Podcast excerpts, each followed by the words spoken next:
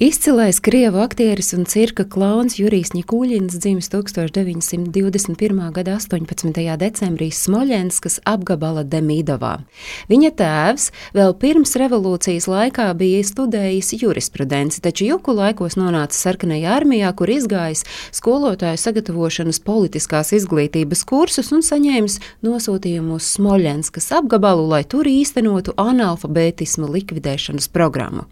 Tur arī iepazinies ar vietējā dramatiskā teātra aktrisi Lidiju Pakrovsku, kuras dzimta izrādās ir cēlusies no Latvijas un konkrēti no Līvāna puses. Audzis topošais aktieris un klauns, kā gluži parasts Maskavas pusaudzes mikrorajona skolā, gan daudzījies, gan kāvies, gan kavējis stundas, gan arī kaislīgi līdzpārdzīvojis futbola klubam Dienāmo.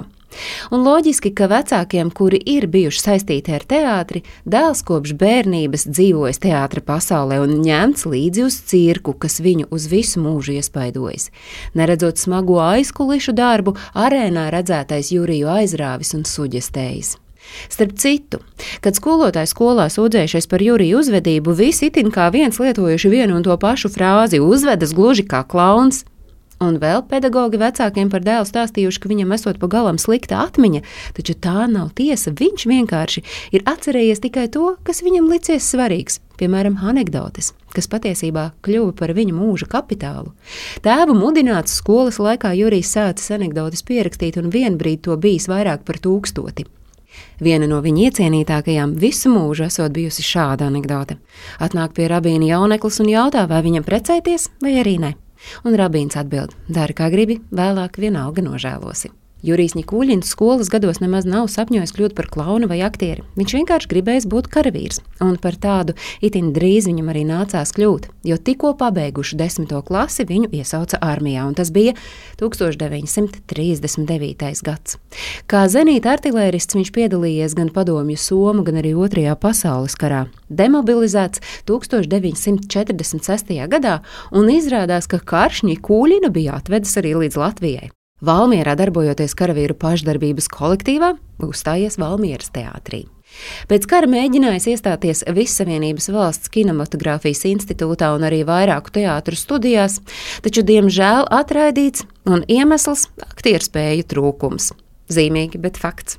Tā nu viņš nokļuvis Maskavas cirka klaunu studijā, kur laimīgas sagadīšanās dēļ ceļš viņu savedis kopā ar tolaik slaveno klaunu Karandašu, un kļūstot par viņa asistentu, Nikuļina ceļš kā klaunam vedis augšup vienu. Darbs kopā ar Karandašu kļuvis būtībā par otru jūrija profesionālo augstskolu. 1950. gadā Ņikuļins kopā ar otru karantaša asistentu aizgājis no viņa un sākuši uzstāties pārī ar savu programmu, izveidojot populāru klaunu duetu Ņikuļins un Šuidins. Kā klauns Jurijs Nikuļins uzstājās līdz pat 1981. gadam. Savukārt kino viņš debitēja vēlu, tikai 36 gadu vecumā, nofilmējoties epizodiskā pirotehniķa lomā filmā Meitene ar ģitāru, bet slavens kļuva ar komiskajām lomām režisora Leonīda Gaidaja filmās Operācija I un citi šurika piedzīvojumi, Kaukās gūstekne un, protams, briljanta roka. А нам все равно, а нам все равно, Pūst boimся мы волka и savu. Tās ir filmas, kurās lieliski redzam aktieru komiķa dotības. Savukārt 1961. gadā režisors Ļevs Kulģānovs piedāvāja Jurijam galveno lomu filmā, kad koki bija lieli, kas kļuva par viņa kā profesionāla klauna pirmo parādīšanos nopietna dramatiskā aktiera amploā. Pēc klauna karjeras beigām Nikuļins kļuva par Maskavas cirka galveno režisoru, bet no 1981. gada līdz pat savai nāvei bija tā direktors.